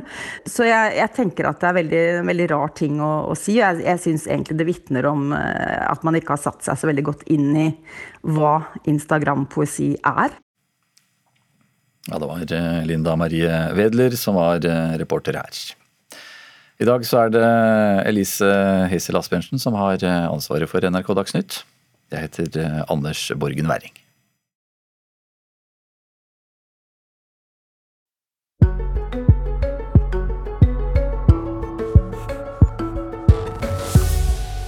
Klokka er 7.40 nå, og du lytter til Nyhetsmorgen i NRK. Designer Grete Sivertsen i Stavanger mener et stort selskap har kopiert barnemøblene hennes. Selskapet avviser at de har kopiert noe som helst, men Sivertsen får støtte av bransjeforeningen Designindustrien.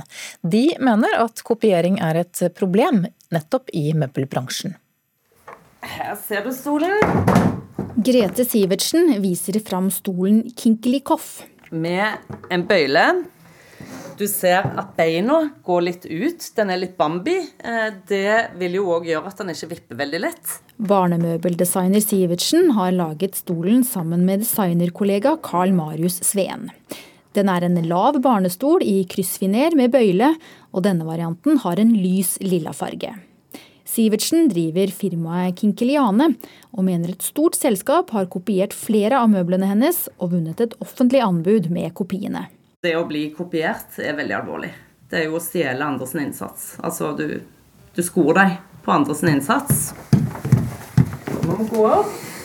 Her har du den andre. Her ser du. Der er låsen, ja. Der er låsen. Sivertsen har designet barnemøbler i snart 15 år, og har innredet flere store barnehager.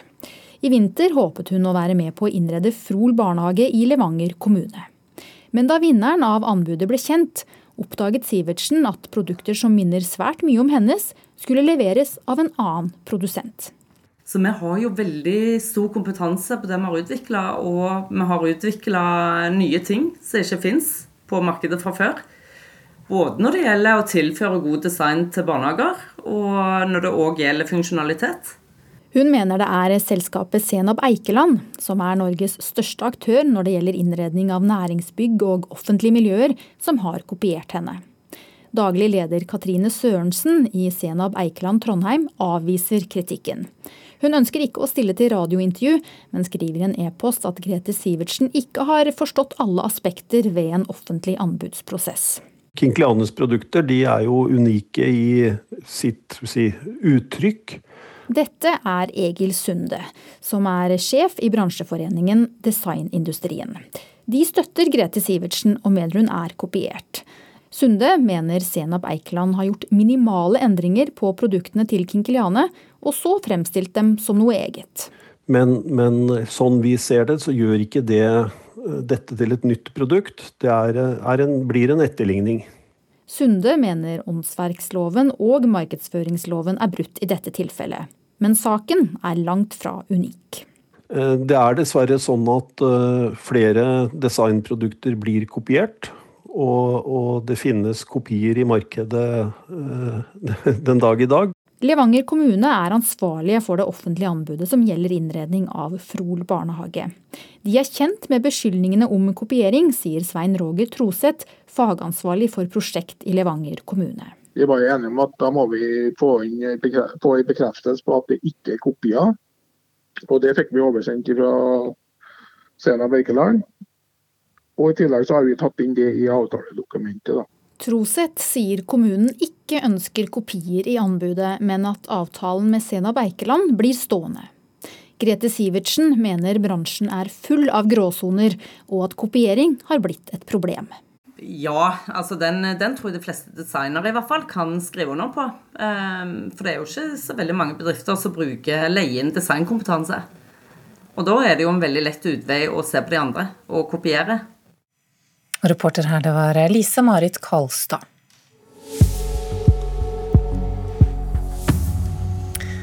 Klokka har passert 7.44. Dette er Nyhetsmorgen i NRK, og vi har disse hovedsakene denne morgenen. Det er mindre skjult koronasmitte i Norge enn ventet. Det har forskere funnet ut ved å måle antistoffer i tusenvis av blodprøver, og dette er altså gode nyheter. I natt har det pågått et søk etter en sjark i havet utenfor Bodø som skal ha en person om bord. Leteaksjonen og søkeområdet er nå utvidet. Og i Bamble kommune har politiet satt opp sperringer og evakuert et nabohus etter funn av sprengstoff i en bolig der. Da er det klart for Politisk kvarter. Programleder Astrid Randen sitter klar med sine gjester.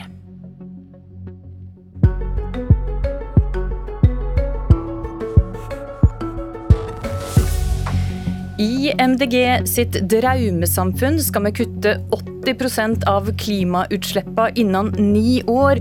Vi skal halvere mengda kjøtt men sekstimersdagen den er visst ikke lenger en del av drømmen. Une Bastholm, partileder i Miljøpartiet De Grønne, god morgen. Tusen takk for det. I dag så skal du altså møte landsmøtedelegater over eh, fra hele landet på videolink. Men først så skal du snakke litt med oss her i Politisk kvarter. Og ei av sakene som det kommer til å bli debatt om på dette landsmøtet, er kjøtt. Mm. Salami, grill, pølse og ikke minst blodig biff. Du ønsker altså å halvere kjøttforbruket her i landet, har vi hørt det si i Nyhetsmorgen i dag. Oslo MDG mener at dette er realistisk innen 2025. Er det bare en drøm at det kan skje så raskt, eller eh, kan det skje? Ja, Det vi skal diskutere på landsmøtet er jo et nytt mål da, om halvering av eh, kjøttforbruket i Norge. Um, og så er det litt ulike forslag eh, rundt det. altså Programkomiteen innstiller på en halvering. Uh, og så er det flere andre, som f.eks. Oslo, uh, som har kommet med andre små endringer. For eksempel, en, en endring uh, fra Oslo om å innføre et årstall for den halveringa. Er det realistisk at en kan halvere kjøttforbruket i Norge? Det må nesten MDG svare for, for det er ikke jeg som har foreslått. Eh, men jeg syns jo poenget om halvering, eh, det syns jeg jo er godt. Og det kommer jo av at vi i Norge i dag eh, vi forbruker og produserer mye mer kjøtt enn det vi klarer å produsere på våre egne ressurser, altså på de beiteressursene og grovfòrressursene vi har, altså det som dyrene skal spise. og Det betyr at vi i dag importerer veldig mye, særlig protein av soya fra andre land. Eh, og, og vi ser også at vi har måtte, med et høyere for, forbruk av kjøtt de siste årene har fått et mer og mer intensivt landbruk, som ikke er bra for eh, bruken av kraftfôr. Altså Dvs. Si vi har fått mye mer bruk av kraftfôr og mindre av gresset, som dyrene skal være utendørs og beite. Det er ikke bra for dyrevelferden. Det er jo ikke bra for folkehelsa heller, med så høyt kjøttforbruk som vi har. Altså Nordmenn spiser 60% mer kjøtt enn verdensgjennomsnittet. Eh, og det har jo økt veldig i min levetid. altså bare, ja. Bare For å ta dette med tidsaspektet i dette. da. Mm. Du går inn for en halvering, men når skal kjøttforbruket i Norge bli halvert? Kan du si noe om tidsaspektet i dette? Nei, for Det er jo nettopp opp til debatt på landsmøtet. sånn at uh, Nå står vi rett foran at det landsmøtet starter, så jeg har ikke lyst til okay. å gå inn i de ulike forslagene der. Forstår. Uh, men, både, men, for å gå litt inn i realiteten, da. Både mm. Innlandet uh, MDG og Møre og Romsdal går imot denne halveringa. Jon Lurås i Innlandet MDG sier til Aftenposten at MDG må slutte å moralisere. Førstekandidat i Trøndelag, Tommy Reinås, mener at det må slutte å bry deg om hva folk har på tallerken. Forstår du disse synspunktene? Synspunkter?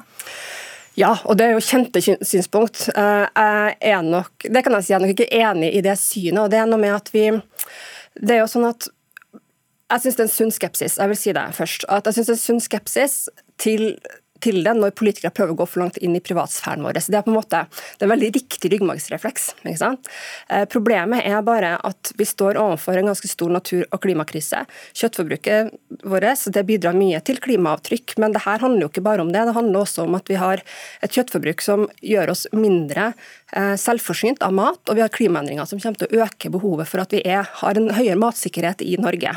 Så du vekta på en måte så, klimasaken såpass høyt at da, må, da, er det ikke så nøye om det rett og slett går inn på frokostbordet til folk? Poenget mitt er mer motsatt at da blir det politikk, på en måte. Fordi når den summen av det vi gjør sammen, eh, fører til at vi f.eks. Eh, eh, underbygger vår egen mulighet til å være godt matforsynt eh, i en verden hvor klimaendringene øker, eh, underbygger og undergraver da, eh, muligheten for ungene våre til å kunne ha den samme friheten og muligheten og velferden som oss. Eh, da begynner vi å komme inn på et, da er vi liksom egentlig på et sted hvor politikken er nødt til å være med og, og regulere. Og Her er det jo ikke snakk om, en gang om å liksom gå inn og bestemme hva den enkelte skal spise. og Det bryr jeg meg veldig lite om. Eh, Men det blir vel Men, konsekvensen hvis en faktisk skal kunne få nei, til dette? Nei, konsekvensen av vår politikk om mål om halvering er jo at man gjennom en rekke ulike virkemidler prøver å påvirke eh, befolkninga til å spise mindre kjøtt. Først og fremst mindre, vil du først og fremst få til dette? Først og fremst mindre importert kjøtt, men også en reduksjon i kjøttforbruket som vi produserer, eh, eller kjøttet som vi produserer i Norge. Og Det gir rom for et helt annet landbruk også. og Det, det er for oss en stor del av denne det her målet. Det handler jo selvfølgelig om utslippene fra produksjon, men det er også noe med at vi må få et landbruk som er mye mer robust. De endringene eh, som kommer nå, og det betyr også mer spredt landbruk. Et landbruk, altså en matproduksjon hvor dyrene har det bedre, hvor de går mer ute, bruker mer, hvor vi bruker mer av norske ressurser. Eh, fordi det er veldig viktig for matsikkerheten. Skal vi også drikke mindre mjølk og spise mindre ost? Vi har ikke noe mål om det, så det målet som er satt nå i og ligger til grunn da, for debatten vi skal ha i landsmøtet, okay. den handler om kjøtt. Og den handler, ikke bare om, den handler ikke bare om rødt kjøtt, men alt kjøtt. Alt kjøtt. Og dersom en reduserer kjøttforbruket med 45% så eh, har NIBIO, altså Norsk institutt for bioøkonomi, regna ut at det vil gi en nedgang av årsverk i landbruket på 16 000 årsverk. Er de villige til å ofre disse arbeidsplassene? Nei, for det, måten man unngår det, er ved å endre landbrukspolitikken. Og Det er veldig viktig at uh, vi forstår at kjøttforbruket i Norge har jo økt veldig. altså Det har økt 40% i min levetid eh, siden 89. Og jeg er født i 86.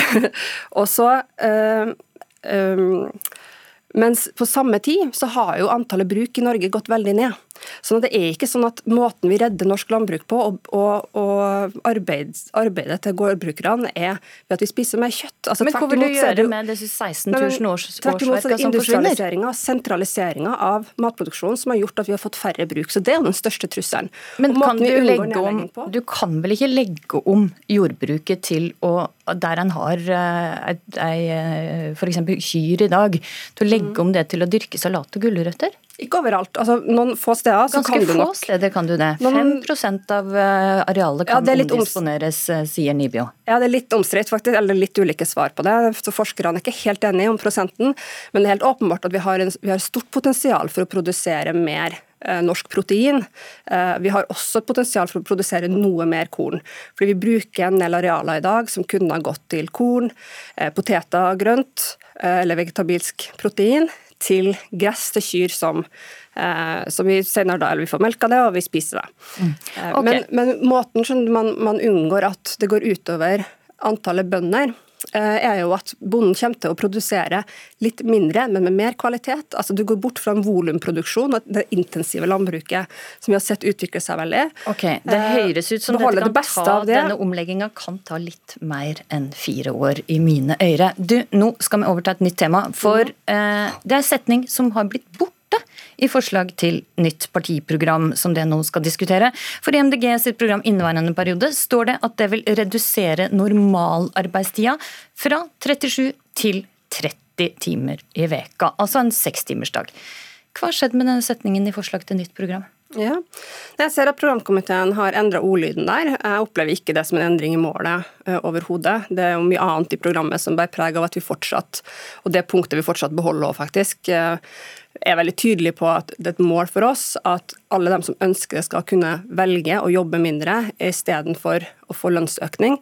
Noe som vi vet at er viktig for mange i Norge. og Grunnen til det er jo bare at når du har et høyt, høyt nok velstandsnivå, så er det andre ting som begynner å kanskje være viktigere enn en mer inntekt. Men det går bort fra målet om sekstimersdag? Vi går bort fra at det skal innføres i løpet av fire år. For det her er et program Har det fremdeles et mål om sekstimersdag? Ja, Vi er fortsatt positive og er fortsatt for sekstimersdagen. Hvorfor, hvorfor er dette tatt bort fra programmet da?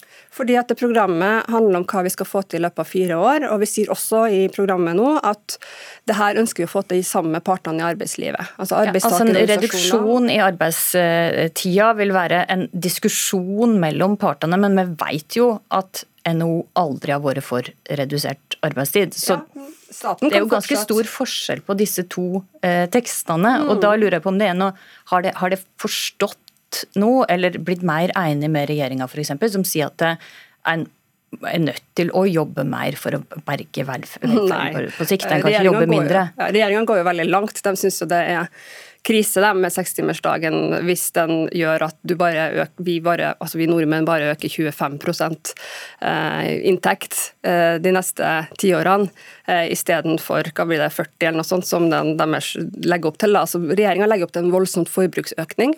Uh, altså økning i materielle forbruket til Norge, til nordmenn. Uh, mens sekstimersdagen ville ha lagt opp til en litt mindre økning i forbruk. Uh, så, så den, Hvis jeg men, forstår det rett, så er det akkurat like for en sekstimersdag som det har vært tidligere? Det er bare tatt det bort fra programmet? Altså, jeg, nå har ikke jeg sittet i programkomiteen, men jeg opplever den endringa nå som ikke et linjeskifte i hva vi mener om sekstimersdagen, men at vi har vektlagt mer at dette må skje sammen med partene i arbeidslivet. For Vi er opptatt av å vise at dette er ikke noe som staten skal trumfe gjennom alene. Og Det er egentlig en ganske viktig del av eh, norsk arbeidsliv, at partene er med på å framforhandle. Og Det betyr ikke at staten skal sitte her passiv og ikke ha en mening. Vi kommer til å jobbe for at det blir mye enklere for alle sammen som ønsker det, uh, understreker det, og, og, ta ut mer av uh, produktivitetsveksten kan man si, i Sammen samfunnet. med partene i arbeidslivet, forstår.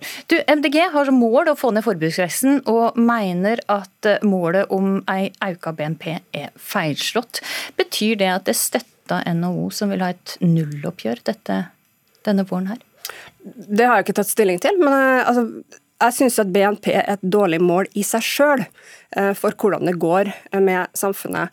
Eh, det gir oss jo et mål på hvor mye økonomien vekst akkurat nå. Et helt greit mål for akkurat det, men det sier oss jo lite om ja, i hvert fall tre ting. For det første hvordan, det egentlig, hvordan vi egentlig har det, altså hvordan livskvaliteten i Norge eh, hvordan det går med den. og Det har vi også mulighet til å måle. Den sier ingenting om hvordan den livskvaliteten der, er for fordelt. Mitt spørsmål handla egentlig mer om lønnsoppgjøret. Ønska det at folk skal få mer igjen i lommeboka? Dette lønnsoppgjøret eller ikke? De Grønne har ikke tatt stilling til lønnsoppgjøret i år, og det er i hvert fall ikke en del av programdebatten vår i helga.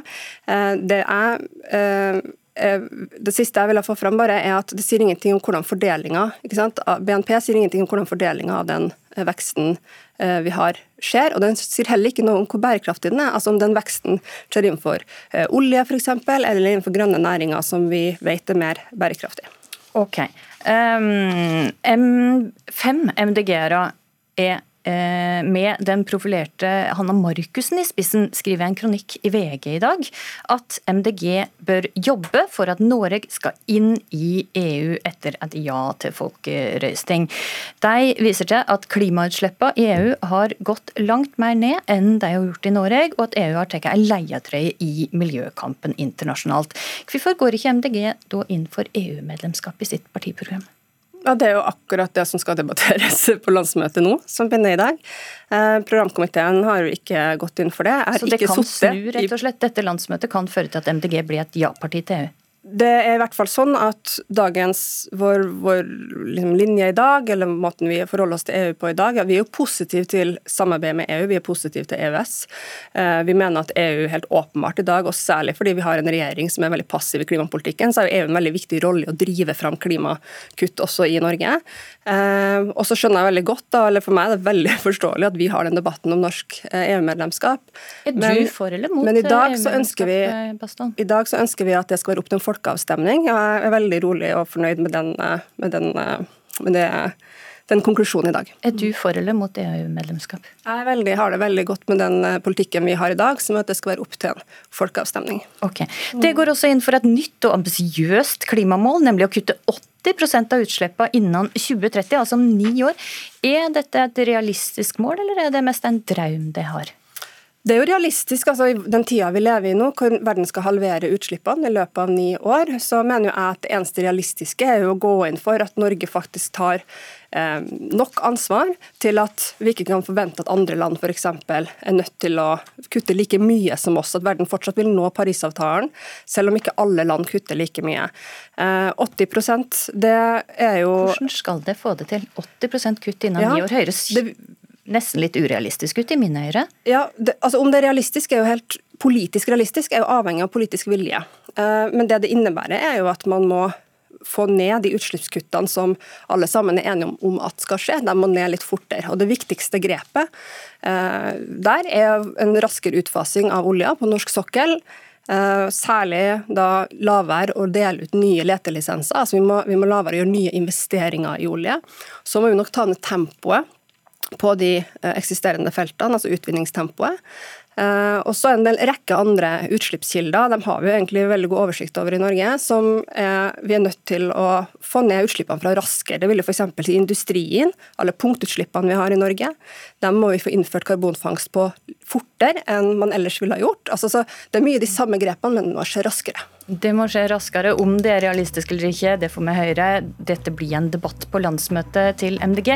Une Bastholm, lykke til med landsmøtet, og lykke til med det som skjer etter landsmøtet også. For på søndag så går du ut i fødselspermisjon, men skal være tilbake til valgkampen. Det var Politisk kvarter med Astrid Randen. Du har hørt en podkast fra NRK. Hør flere podkaster og din favorittkanal i appen NRK Radio.